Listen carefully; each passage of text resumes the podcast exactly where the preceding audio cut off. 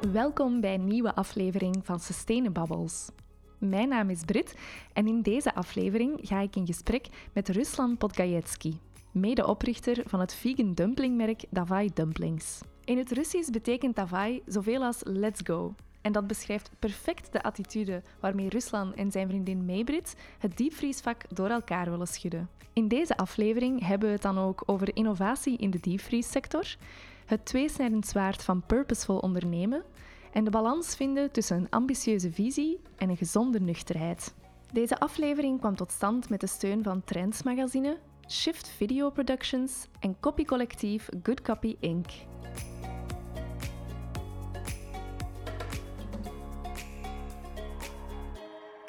Goedemorgen, dag Ruslan. Hey Brit. Hallo, welkom in de caravan vanochtend. Yes, dank u. Het is echt mega nice. merci, merci. Um, super fijn dat je er vanochtend uh, wou bij zijn. Uh, Ruslan, jij bent de helft van het oprichtend duo van Davai Dumplings. Mm -hmm. Voor de mensen die dat dan niet kennen, wat is Davai? Davai maakt plantaardige dumplings. Wat is een dumpling? Dat is een type gevulde pasta. Dus lekker een ravioli of een tortellini, maar de onze zijn gebaseerd op de Russische variant.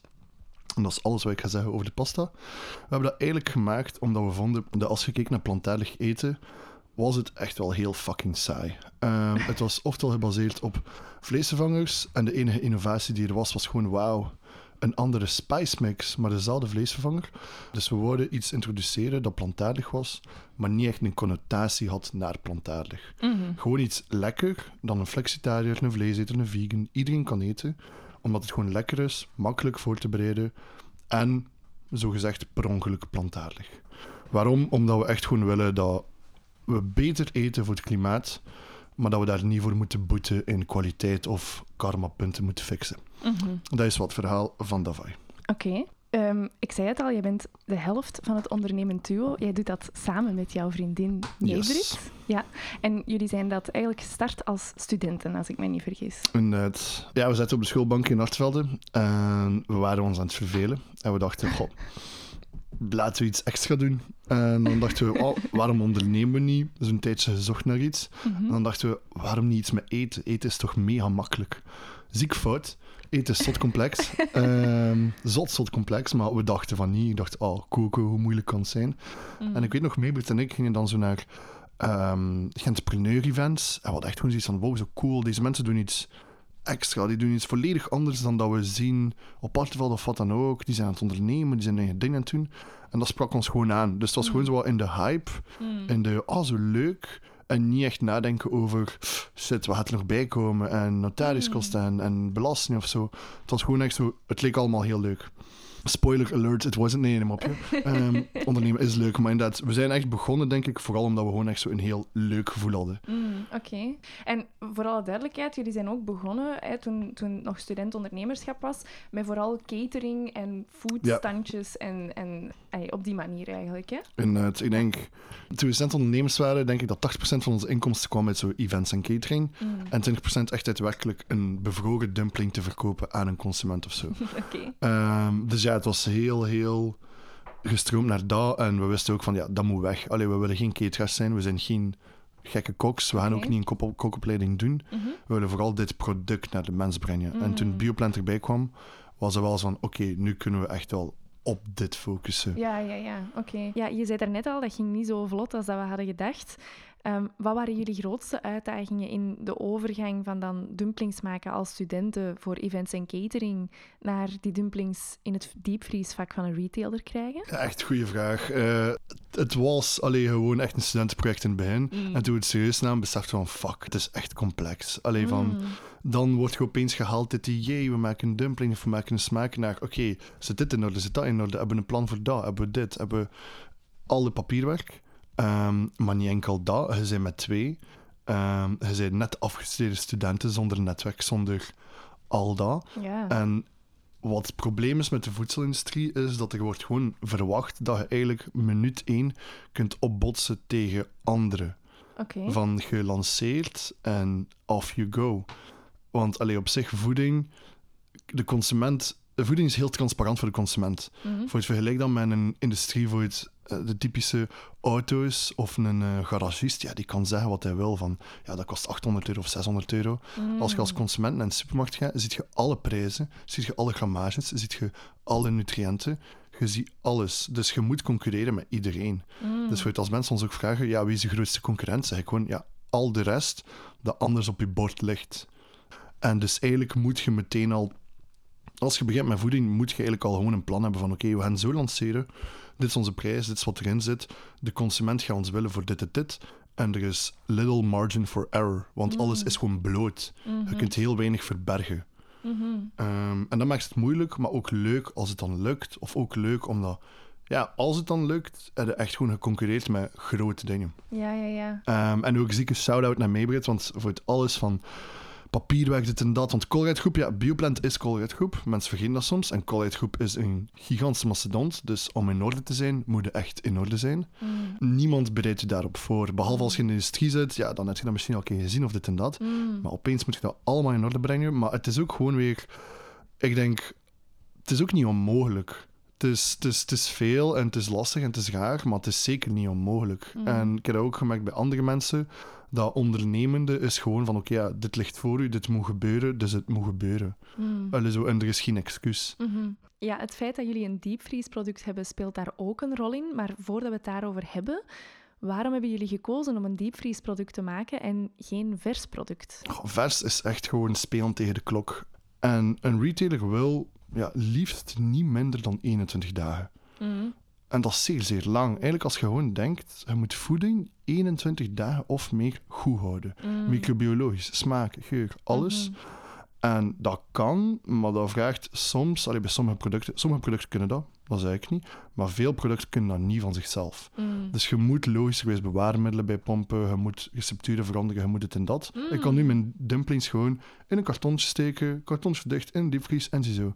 Bij vers moet ik het in een plastic MAP-verpakking met gas in, dit en dat, de logistieke keten moet goed zijn, alles moet goed afgetimed zijn, om gewoon hetzelfde product op je bord te krijgen. Want voor je het ook, wij verwachten ook dat we altijd tomaat en dit en dat en, en fruit hebben. En dat is zo raar. Ik zeg nu niet dat we fruit moeten invriezen of zo, maar het is zo raar dat we sommige dingen uit seizoen in onze winkel leggen omdat dan gewoon, ja, de consument wil eh voor 365, 24-7 alles willen eten. Maar dat mag eigenlijk niet. En als je dat wil, doe dan gewoon pluk in het seizoen, vries het in, maak er confituur of wat dan ook van. Maar hou het niet vers. Niet alles moet vers zijn. Ja, maar ik denk dan ook, los van de veronderstellingen rond, rond versheid of rond milieu en klimaat, is er ook wel eh, het smaakaspect. Hè. Heel veel mensen vinden dat eh, hun goederen, allee, hun voedsel minder goed smaakt omdat het uit de diepvries komt. Dat is zeer grappig. Ehm moet je eigenlijk gewoon denken, we hebben dat ook gemerkt toen wij verstesten deden. Ons product kan 30 dagen mee, maar dan is het eigenlijk gewoon een 7 op 10 van het echte product. Echt van Dus- smaak. Ja, Wow. dus we hadden 30 dagen, microbiologisch was alles in orde, alles super chill, het kon. En we proeven dat, en we proeven een diepvriesdumpling, en we zeiden zo, waar is de smaak? Mag. Omdat gewoon, ja, je laat iets liggen voor 30 dagen. Dat begint zo wat- dat begint te leven, dat begint microbiologisch beginnen een paar dingen in gang te gaan. En om dat tegen te gaan, moeten we dat product stabiliseren. Maar wat is stabiel? Olie is stabiel, droge dingen zijn stabiel, stabilisatoren, bewaarmiddelen, maar dat haalt allemaal smaak, geur, kwaliteit weg. Mm. Voor dan gewoon u een vers product te geven. Mhm. Je moet eigenlijk gewoon denken, waarom smaakt iets op een restaurant of thuis gekookt goed, beter dan dat je iets koopt? Omdat dat, als je iets koopt uit de winkel, is dat gestabiliseerd. Dat is eigenlijk de 7 op 10 van zijn echte waarde. Ja, ja. En oké, weer al, niet alle producten, totaal niet. Veel producten zijn ook gemaakt dat ze 100 dagen kunnen meegaan en Mhm. goed smaken. Maar veel van onze producten zijn artificieel, gewoon veel langer geworden. Ja, ja, ja. In Ja. levensduur eh, verlengd. Oké. inderdaad. En je zegt van, hé, dat zou beter kunnen smaken. Maken ze dan de producten verkeerd klaar? Ik denk dat dat vooral, allee, dat is op zich, food is marketing. En dat is dan misschien gewoon een marketingfout. Allee, of een communicatiefout, vind ik. Oké. Voor het, wij gaan ook onze packaging nu rebranden, omdat inderdaad de feedback die we krijgen, allee, voor, het, voor mensen die nog niet de packaging hebben gezien, het is nu een kartonnen doosje met een zakje in Mhm, en een venster in dat kartonnen doosje, waardoor je de dumplings ziet. mhm. Maar als consument die het product totaal niet kent, ziet je dat en denk je, oké, leuk, ik zie een pasta, ik zie zo Mm. dit en dat, maar wat is dit? Hoe maak ik dit? Heb ik berei- Het geen beeld van een gerecht. Ja, ja. Dus onze nieuwe packaging gaat een beeld hebben waarvan je meer weet van oké, zo, of het moet er zo uitzien, of met dit. En dus ik vind vooral, diepvries heeft vaak een communicatieprobleem. Oké. Omdat ook veel dingen in de diepvries zijn zo, eh, oftewel, ja, wat is het, groenten, oftewel eh, frieten, of dingen die we al kennen, lumpia, zit en dat. Dus het is heel statisch, heel saai. Heel weinig mensen, vind ik, in diepvries doen echt aan innovatie in communicatie. Om, omdat ze moeten vaak niet. Diepvries is ook zo het schap dat wordt gezien als, oh ja, de verkoop is een beetje lager en het is wel het 12 maanden, het is wel tijd om te verkopen. Mm. Super chill. Terwijl eigenlijk vers, ja, 20, 30 dagen. Het moet snel gaan. De Mm. consument moet dat snel. Dat schap moet leeg. Lead times. Dus de communicatie in vers is van nature, omdat de klok daar veel sneller is, veel sterker. En diepvries kijkt naar diepvries en denkt: oh ja, wij moeten niet de zotste communicatie hebben. Maar eigenlijk, je ligt in dezel- dezelfde winkel, hè, dude. Mm. Allee, zo, je moet concurreren met vers, niet met andere diepvries. Dus ik denk dat diepvries is gewoon een beetje zo ja, pff, is zo blijven hangen in de tijd. Heeft Mhm. niet echt geïnnoveerd, heeft niet echt gekeken van hoe halen we de versconsument naar hier. Mm. Dat het meer zo is van we zijn blij dat we hier zijn. We zijn Aleis, 12 maanden, super chill. Allee, zo, het voelt allemaal veel, veel zo zachter en trager. Oké. En ik denk wel dat dat... Ik denk, ja, we mogen wel in het algemeen als schap echt wat meer inzetten op coolere, nicere, leukere packaging om mensen gewoon te tonen van hey, kijk, wij maken ook leuke producten. Ja, ja. Ik denk dat dat echt vooral een communicatieprobleem is. Mhm. Ja, hoe dat je het nu verwoordt, lijkt mij dan dat er voor jullie een enorme opportuniteit is. Dat jullie Dat. Ja, het Mhm. lang verwachte product van de diepvries zijn. Ja. Ehm, maar is het ook een uitdaging? Het is een uitdaging, want door die statischheid is er soms minder rotatie en is de schapplek vaak al vast. Dus dat Mm. maakt het soms moeilijker om te geraken, want het is like zo'n ja, harde kern, laat ons zeggen. Mhm. Terwijl invers kan het snel roteren, maar in s- invers, als je ook niet verkoopt, bos in. Mhm. Gaat gewoon eruit. Ehm, dus dat maakt het ook wel leuk en diepvries. Want eens dat je een plek hebt, kun je wel die plek bewaren. Maar je moet Mm. wel zo wat toegelaten worden in de boys club. Allee, zo wat dat. Ik zal het zo beschrijven. Ja.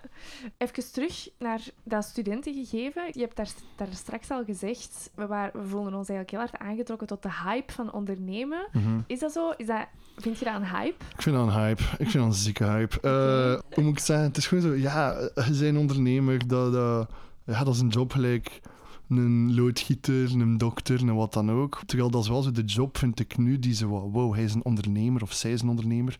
Hij, zij moet wel iets weten kunnen wat ik niet kan of zo. Allee, Ja, ik weet niet of dat het echt weten of kunnen is, maar iets zijn wat ja, ik iets niet zijn. ken. Het ja. een identiteit of zo. Ja, een heel grote image. Ja. Zo. ja. En dat vind ik vrij raar. Allee, ja, oké, ik snap het, want... Maar ik vind ook wel, voor het, als je zo sommige dokters kent die ook zo mega passioneerd zijn door hun vak, die kunnen ook 24-7 praten over wow, deze ontdekking en dit en die Mm. ziekte en bla bla bla. Ondernemers kunnen dat ook, maar bij ondernemers is dat cool of zo. dat zo, zij mogen Hans hun persoonlijkheid linken en dat. Mm. Dus ondernemers zijn heel goede storytellers, heel goede praters, heel goede manipulatieve mensen. Kijk uit voor mij. Ehm, maar, en dat zorgt er gewoon voor dat dat gewoon cool is. Want deze gasten praten niet over iets. En ze nemen je mee in een visie en een identiteit.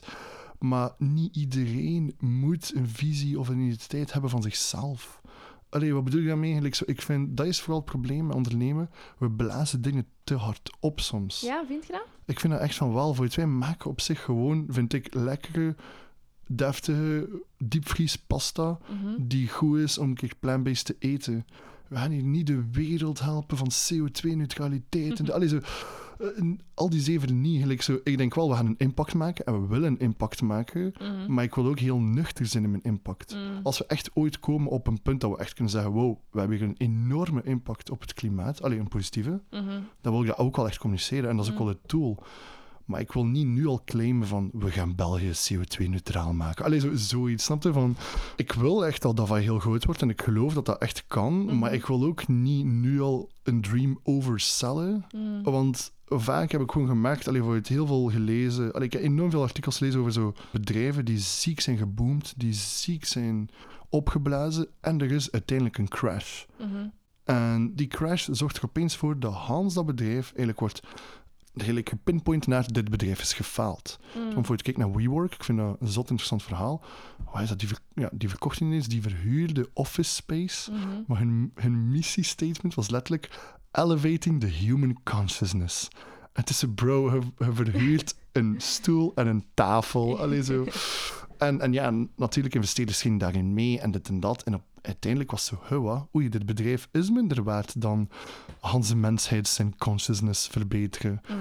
En ze zijn nu gekelderd, maar ze zijn nu eigenlijk, vind ik, op een waarde die heel geheel is. Maar we zien het als een mislukt bedrijf. Ja. mhm. Maar ze zijn gewoon waar ze moeten zijn, vind ik nu. Want de, de, de cloud van de dream is even weg. Mhm. En ze zijn nog steeds een miljardenbedrijf. Ze verhuren nog steeds goede offices. Dat is allemaal hetzelfde, maar onze perceptie is anders. En daar ben ik heel bang voor, want ik wil echt een transparant, goed, deftig product geven. Mhm. En als het goed is en als het dingen doet die echt een impact hebben, wil ik dat communiceren. Maar ik wil niet 400 stappen voorlopen op de feiten, om dan te horen, oh, het de wereld niet veranderd, dus uw product sukt, en het is allemaal fake, en het is dit en dat, terwijl hij nog steeds een deftig product verkoopt. Mm. Je, wat dat je zegt over die hunne one-liner, dat doet mij Mhm. denken aan de kritiek van Terry Smith op Mhm. Unilever, dat hij zo zei van, ja, allee, die mayonaise, waarom heeft nu mayonaise een purpose nodig? Dat is toch enkel voor tussen salads en sandwiches te doen? Ja. Maar het is, er, er is wel, allee, heel, he- dat wordt serieus toegejuicht, zo, hè, purpose eerst Mhm. zetten en, en een ambitieus doel hebben, maar eigenlijk hoor ik u daar toch wel een beetje een, een tegenkanting tegen geven, hè? Ja, allee, ik vind sowieso, eigenlijk, ja, perfect gezegd, dingen mogen een purpose hebben, maar voor het, what the fuck is de purpose van mayonaise buiten, inderdaad. Voedselverspilling tegen. Ja, inderdaad. Unilever. Je kunt inderdaad... Allee, ik denk gewoon dat we met de maatschappij zo in een vrij... Allee, het is allemaal vrij logisch. Hè? We hebben te veel mensen die naar een universitaire richting zijn gegaan van marketing of communicatie en dit en dat. En die moeten allemaal een job hebben. Mhm. En ja, vind een job in een start-up waar je eigenlijk gewoon de mission vision kunt opblazen van die start-up en Mhm. value kunt creëren. En ja, ziezo, klaar. Maar we hebben veel te weinig mensen die, vind ik, ehm, reële waarde soms brengen. We hebben nu een enorm tekort aan leerkrachten. Maar ja, waarom plakken we niet een mission en een vision bij een leerkracht? Elevating the human consciousness. Dat past meer bij een leerkracht dan bij een bureau en een stoel. Mm. Maar de leerkrachten dragen dat niet. En, en dat is zo raar, vind ik. Allee, logisch, want ja, er zijn geen storyteller of PR-agencies bij leerkrachten. Mhm. Maar dan vind ik dat we eerder daar hype op moeten schuiven. En ik denk ook, we zitten nu zo wel in een raar ding van iedereen moet zo'n fucking hype-visie hebben. We Ja, eigenlijk iedereen moet gepassioneerd Ja. zijn en iedereen moet inderdaad Ja. striving for higher impact. Inderdaad, en dat is zo het probleem nu van... Ja, allee, die stomme quote, if everyone is super, no one is super. Mm. Van, als iedereen een mega hype-visie heeft, wie heeft er dan eigenlijk een hype-visie? Als Mm. iedereen Hans zit één trede omhoog moet gaan en iedereen moet Hans zit one-up, one-up, one-up, dan zitten we uiteindelijk in een bubbel en dan gaan we uiteindelijk alles crashen en beseffen van, wow, shit, waarom dacht ik dat mayonaise de wereldcrisis ging oplossen? Allee, zo. En dan begint je nuchter na te denken en dat is jammer, want je moet eigenlijk gewoon een reëel gevoel hebben bij wat je koopt, doet of Mm. krijgt. Mhm. Je moet weten wat je eraan hebt. Je moet weten. Maar dat is ook wel ergens logisch, hè? en dat is nu vrij diep. Maar we zijn een beetje zo onze purpose verloren als mensheid. We zoeken purpose in heel veel dingen. Mm. We, zoeken, we willen dat WeWork human consciousness elevate. Want we Hmm. willen deel zijn van iets. Mhm. We willen zeggen, ik werk in een WeWork en een WeWork die willen de wereld veranderen. Dus ik ben deel van die wereldverandering. Mm. Maar dat is gevaarlijk. Zoals we hebben gezien. Dus ik vind, ja, nuchterheid. Gelijk zo, ik wil ook veel meer dit jaar focussen op nuchter, transparant. Elk ingrediënt dat in onze dumpling zit uitleggen. Tonen wat het is. Gewoon blootgeven. Oké. Gewoon van, kijk, dit is wat we doen. Dit is wat je krijgt. En dit is wat we willen. No bullshit. Mhm, mhm. Je hebt daarnet wel gezegd van wij zijn ook beginnen ondernemen omwille van die hype. Is er dan voor jullie een beetje een kantelmoment gekomen? Ik denk, ons kantelmoment is wel gekomen toen we begonnen van... eh, Oké, we gaan investeerders zoeken en dit en dat. Mhm, En we gaan echt cash ophalen voor ja, te groeien. Voor die missie en wat we willen te doen. mhm, En we hebben dan met heel veel mensen gepraat. En was zo, oké, hoe valued je ons be- om een bedrijf? Mm. En wij hadden altijd een heel, heel, ja, zo gezegd te nuchtere kijk. Oké. Ehm, en voor het, we hebben zot vaak gehoord van, ja, zeg gewoon 2 miljoen. En het is van, maar ik ben geen 2 miljoen waard. Maar nee, nee, je bent 2 miljoen waard. Het is, maar we zitten op, wat? op, de, op je toekomst, op wat je kunt halen. En het is zo, ja, dat kan, sir, maar zo, nu ben ik geen 2 miljoen waard. Dus Mm. ja, maar dat maakt niet uit. Zeg gewoon dat je twee, of zeg misschien vijf. Dan kunnen we gaan naar drie. En ik merkte gewoon van, oké, het is allemaal één spel, het is twee perceptie, het is allemaal vrij, gewoon zo opgeblazen. Mhm. En oké, dat moet, ik snap het. Hè. Eigenlijk Ja, zoals want je je... hebt dat geld nodig om Ja, uw ja. beoogde impact te maken. Inderdaad, uiteindelijk wil ik ook wel dat, dat Vaille echt wel 5 à 10 à 20 miljoen waard is. Mhm, Maar dan wil ik dat meer doen met een nuchtere kijk van, kijk, wij zijn, mhm, wij geloven dat we voor het dan 5 miljoen kunnen waard zijn als we deze middelen krijgen. Mm. Maar ik wil nooit proclaimen, wij zijn op dit moment 5 miljoen waard, want onze vision. En dat was wel een kantelpunt voor ons van... Alles is heel gefabriceerd, logisch, want inderdaad, je moet iets verkopen, je moet Mm. middelen binnenhalen, je moet mensen hype krijgen. Maar het is allemaal iets te. Het is Mm. allemaal iets te veel. Het mag Mm. allemaal wel een beetje naar beneden. Het mag allemaal nuchterder, want ik denk gewoon, het, het voelt, het is ook zo, het voelt erger om iets te verliezen dan om iets te krijgen. En als je overselt en het komt er niet, dan, ook al zijt je, ik zeg iets, hè, stel je voor, we zeggen we gaan in 20.000 winkels liggen en we liggen uiteindelijk in 8.000. Mhm. 8000 is geen 20.000, dat is ineens de helft, maar dat is wel Mhm. 8000. Mm. 8000 is gigantisch. Moesten we hebben gezegd, we gaan in 10.000 liggen en het is 8000, volledig anders. Maar het aantal is hetzelfde, maar het gewoon deze overselling niet. Ja. Het een nuchtere kijk en dan het gemeen van, oké, hoe komen we naar 10? Het is maar een gap van 2000 winkels. Mm. Terwijl, anders is het een gap van 12.000. Het is zo, fuck, dit bedrijf heeft gefaald. Het heeft niet gegroeid gelijk dat ik dacht. Mhm. En dat wil ik dan wel meer. Ik wil ook nog steeds zeggen van, ja, Davai is een miljoen, miljoen en half waard, want de visie, maar ik wil niet zeggen, Davai is op dit moment 5 miljoen waard. Mm. Het kan dat ooit zijn en we moeten daar naartoe bouwen. Mhm. Maar dan moeten we eerste stappen wel leggen tot die miljoen of twee. Mhm. En dan kijken we samen naar de 5 à 10 of de 100 of de wat dan ook. Ja. ja, ik vind dat een heel bijzondere... Eigenlijk heb je een beetje de slow growth visie, Ja. zeg maar. Mhm. Maar dan tegelijkertijd zie ik ehm, impact startups zoals een Pieter Pot of een Mhm. Drupal. Eh, ja, Drupal heeft 1,1 miljoen opgehaald, Pieter Pot 9 Mhm. miljoen opgehaald.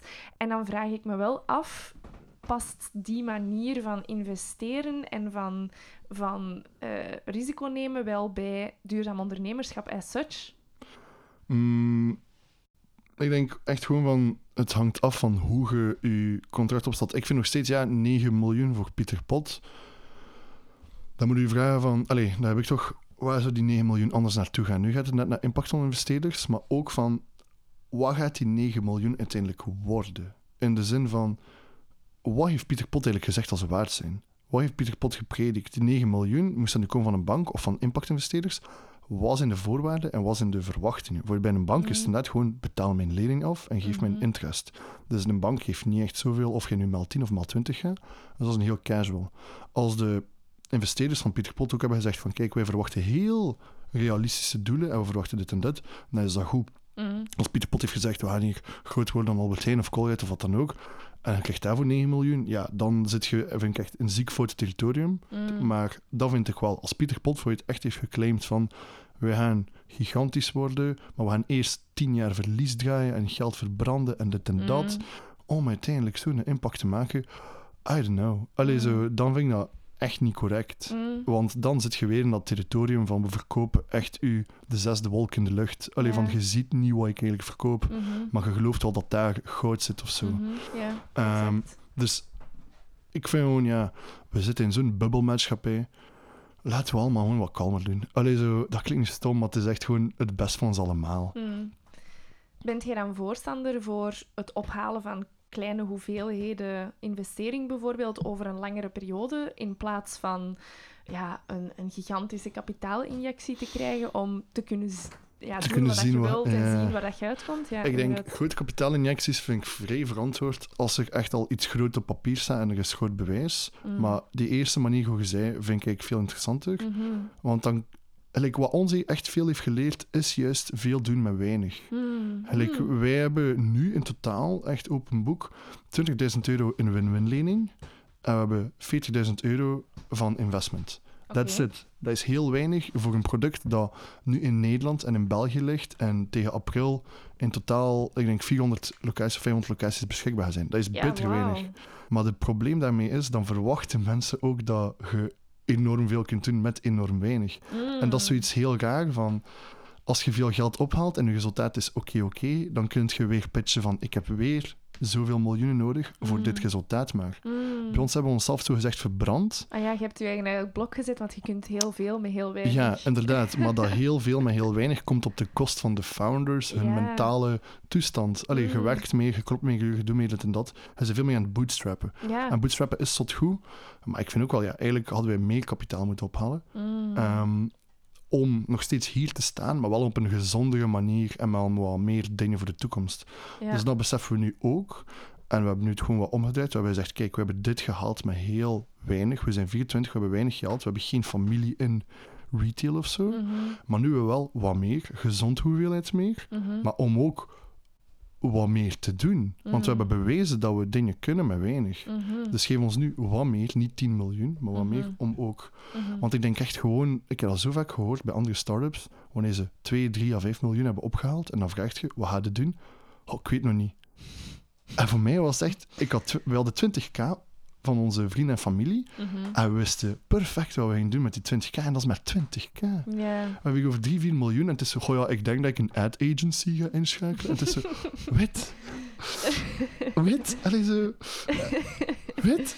Ja, dus als je zo, oké, interessant, eh, good luck. Allee, zo... Ja. En dan zit je in de vicieuze cirkel van, oh shit, ons geld is opeens op, want what the fuck? Allee, Mm. we hadden het totaal niet verwacht, dus we moeten opnieuw geld ophalen en opnieuw geld en opnieuw geld. En de bal blijft rollen en het resultaat is Ja. beperkt, maar je hebt heel veel geld nodig en het bewees dat je dit geld nodig hebt voor dit resultaat. Mm, mhm. Dus het gewoon zo je investeerders een beetje gescamd in de zin van, ja, we hebben echt wel 2 miljoen nodig voor dit resultaat. Believe Mm. us. Dat vind ik vrij raar. Ja. Ehm, dus mm, onze droom zou ook wel ergens zijn van een deel van de aandelen eigenlijk aan consumenten te verkopen. Oké. Bijvoorbeeld Brewdog heeft dat gedaan. Dat is een start-up uit de UK met bier Mhm. super cool. En ze hebben equity voor punks. En dat is dan echt gewoon een deel van hun equity hebben ze te koop gezet voor whoever the fuck. Iedereen kon investeren. Nice. Is dat Ja. dan als coöperatieve of zo dat ze dat hebben gedaan? Nee, of- dat is echt gewoon, je hebt een, ja, gelijk Ah dat ja, een aandeel koopt op de markt. Oké. Maar dan, ze zijn niet beursgenoteerd. Dus eigenlijk gewoon, ja, beursgenoteerd aandeel, maar dan voor consumenten. En dat is Hmm. ook gewoon van, we willen dat jullie ons responsible houden. We willen dat, allee, want een consument gaat niet opeens zeggen, like een VC of zo, don't worry, hier is nog een keer 2 miljoen. De Mm. consument gaat zeggen, ik heb al dit aandeel, ik verwacht wel iets. Of boys, doe ik je normaal of zo. Mm. En dat is vrij goed, want je hebt ergens zo'n remblok nodig die je nuchter houdt. Van oké, 20% van ons bedrijf theoretisch is bij gewone mensen. En die verwachten wel deftige, normale, gele resultaten. En niet van, we gaan nu al onze winst verbranden en marketing en dit en dat en Mhm. VC-money. Mhm. Dus dat houdt je vrij nuchter. En dat vind ik vrij goed. En Oké. Brewdog is ook mega goed bezig nu. Ja. Dus bewijs. En dat is iets wat dat jullie met Davai ook zouden willen in de Absoluut. toekomst. Ja, Ja. ja ehm, even, we hebben het eigenlijk er totaal nog niet over gehad, Mhm. maar de naam Davai, Nou ja. van waar komt die? Ik moet, als ik dat moet zijn, mijn pitchen. Uh, davai betekent kom op in het Russisch. Dat is wel een stopwoord. Oké. Van ah, davai, davai. Dat is bijvoorbeeld moest ik zeggen, laten we naar de winkel gaan. Ah, davai. Mm, let's go. Mhm. En dat was ook gewoon zo die attitude die we hadden van ja, let's go. Alleen Mhm. van laten we ondernemen. Ja. En ook van onze marketing leerkracht hadden we gehoord, twee syllable names zijn de beste. en dacht, da, vai, oké, goed. Let's go. Let's go, inderdaad. Easy Ja, want voor de luisteraar die dat dan niet weet, jij hebt ook Russische roots natuurlijk. Yes, ja. inderdaad. Wit-Russisch van afkomst. Ja. Ehm, het is daar nu vrij cool. Ehm, nee, ik heb Wit-Russische roots en ik denk ook daardoor dat mijn deel van de ondernemend in zit. Mhm. Van mijn pa was echt zo textbook hustelaar. Alleen van Is waar? Oké. zo niet VC-money hustelaar, 1 miljoen ophalen, maar het is koude oorlog. Sovjet-Unie is uit elkaar gevallen. Mhm. Ik moet saffen verkopen in Polen. In een letterlijk waar gebeurd verhaal. In een cello case. Ik, ik steek daar saffen in. Ik pak de trein. Als ik word gecontroleerd, stuur ik een vals papiertje van eh, ik ben een muzikant. En je mocht mijn cello niet inspecteren, want schade. Maar die cello case zat vol met saffen. Dan verkochten dat gewoon in Polen. En dat is hustelaar. Maar dat is echt gewoon van, we moeten overleven. Sovjet-Unie is uit elkaar gevallen. What the Mhm. fuck is het leven? En heel, heel gewoon zo, je m'en fous. Ik doe wat ik moet doen om ja, te overleven en te bestaan en dit en dat. Mm. Dus ik heb ook gemerkt, allee, voor het, ik vergelijk zo, oh, ja, wauw, dat is een vrij goede vergelijking, maar ik heb zo La Vita e Bella vibes bij mijn leven. Want nu dat ik ouder ben, besef ik van, holy shit, wij zijn echt opgegroeid in halve armoede. Mhm. Maar mijn ouders hebben dat altijd zo vrij goed gemaskeerd of zo. Ze hebben vrij goed zo door die armoede gelachen of zo. Ze vonden zo manieren om dat niet te tonen. Of zo, Mhm. oh wauw, we hebben dit, dus Mhm. hij merkt de rest niet. En ik ben heel gelukkig opgegroeid voor eigenlijk de staat van waar ik kwam. En dat is 100% te danken aan mijn ouders. Omdat ze konden ook hebben gekozen om te zeggen, wow, het leven sukt en fuck België en fuck al dit en we zijn arm. Maar ze hebben dat totaal geen één dag gedaan. Mm. Terwijl nu besef ik, mijn ma zat voor een heel lange tijd op leefloon. Mijn pa was een tijd werkloos en vond geen werk. En het was moeilijk en het was krap. Maar ze deden altijd zo dingen om zo optimisme in huis te houden. Mm. En dat heb ik ook al gemerkt nu. Ik stress moeilijker. Allee, van, ik ben soms, allee, logisch, iedereen stress, maar ik ben stressproof. Soms omdat ik gewoon weet van ja, het kan erger en ah, we kunnen dit wel doen. Of we kunnen, ah, we vinden wel onze manier. Oké, ja. Dus dat is zot handig. En eh shout-out naar de ouders. Dat is stressproof gemaakt, maar heeft het ook bijgedragen aan uw motivatie om te ondernemen? Ja, ik denk van wel, omdat gewoon dan weet je van, ehm, ja, like, hoe moet ik zeggen, ik merkte gewoon aan hoe mijn vader was in een land like België dat zo bureaucratisch is, Mhm. dat je eigenlijk echt alle regels kunt plooien. En dat je gewoon zo wat je eigen manier moet vinden in het leven. Mm. En ik ben geen anarchist of zo, maar gewoon van, ja, je moet het leven zo naar je eigen hand draaien. En oké, je moet ervoor zorgen dat de maatschappij tevreden is en bla bla, kent. Ik ga niet diefstal of zo gaan plegen, maar ik bedoel van, ja, neem wat je kunt nemen en doe wat je wilt, want allee, je hebt maar één leven en maak gewoon het beste van. Zo Mhm. dat. Mhm. Ehm, dus ja. Ja, oké. Ja, ik vind het wel bijzonder dat je dat zegt van dat, van dat hustelen en... Allee, ook een beetje de mentaliteit van doe het gewoon. Ja, Ja, echt wel. dat hebben jullie wel, hè? Davai. Ja. Oké, nice. Ehm, wat zijn eh, de toekomstplannen nog met Hawaii Dumplings? Mm, toekomst nu is echt wel... Allee, we hebben eindelijk onze machine door. Ah ja, daar heb ik eigenlijk niets van verteld. We hebben eigenlijk een half miljoen dumplings handmatig gemaakt. Wij twee en een crew van jobstudenten, maar dat was Mhm. echt absurd. ja, Maar echt absurd. een half miljoen. half miljoen, ja. Al die tijd, ja. Ik ben nu wel vrij goed en Meebit is echt tien keer beter. echt een natuurtalent. Ehm, maar nu hebben we machine, we hebben die machine eindelijk onder de knie. We hebben alle R&D gedaan daarvoor. Dus nu kunnen we echt wel dingen doen die we totaal niet konden vroeger. Mm, Ehm, echt gewoon, want ja, je moet een product kunnen maken. mhm. En het plan is nu gewoon echt... We merken, het is een goed product, consumenten vinden het goed. We hebben echt wel iets in handen. Nu willen we gewoon zo snel mogelijk expansie. Mm. Want op zich, ja, het is een diepvriesproduct. Je moet dus in een diepvries liggen in een winkel, Mhm. zodat de consument u vindt. Mhm. Dus de grootste vraag is echt gewoon meer winkels, Mm. meer afzet. En je moet mensen vinden die zeggen, ik zie hier wel toekomst in. Mm.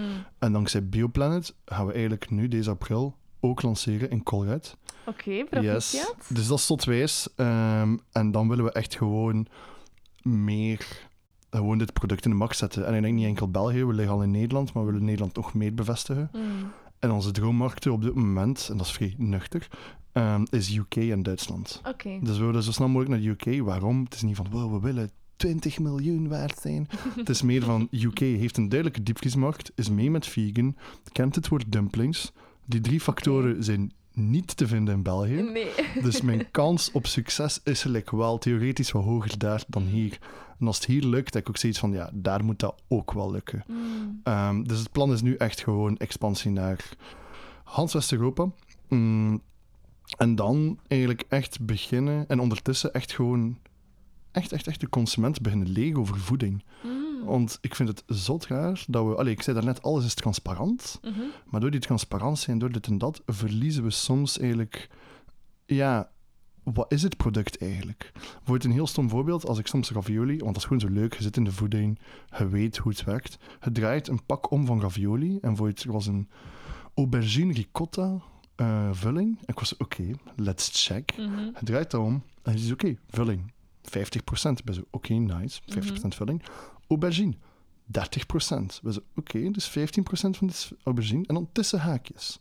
Aubergine, 30%. Olie, 20%. En dan zo, hebben ze, wacht, dus 30% van 20% van 15% is de aubergine. En het is zo, abo. En als consument kijken we en we zien aubergine, 30%. We denken, oké, leuk. Ja, ja, maar het is voilà. totaal niet zo. Nee. En heel veel producten zijn eigenlijk zo. Mm. Zijn heel rare Frankensteins van Mm. wat ze eigenlijk zeggen. Want Ja. bij een aubergine ricotta ravioli verwacht je aubergine ricotta. Mhm. Maar de hoofdingrediënten zijn water, olie, paneermeel, stabilisatoren, jada jada. En, het is zo, en waar is mijn aubergine ricotta? Want uw ricotta is dan ook zo ricotta extract. En het is zo, what the fuck is ricotta extract? Allee, zo, een consument heeft geen beeld bij ricotta extract. Nee.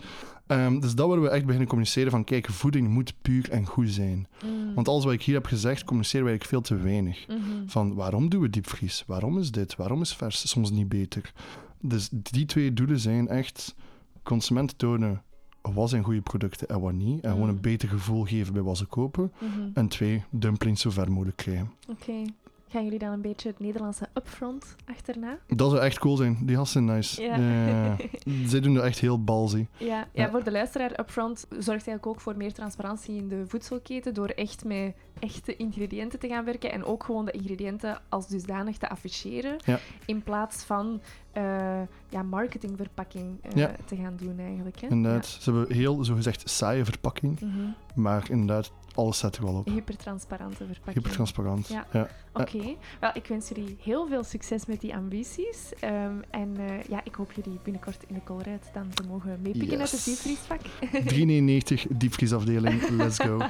Dankjewel voor je komst, Ruslan. Merci Britt. Salutjes.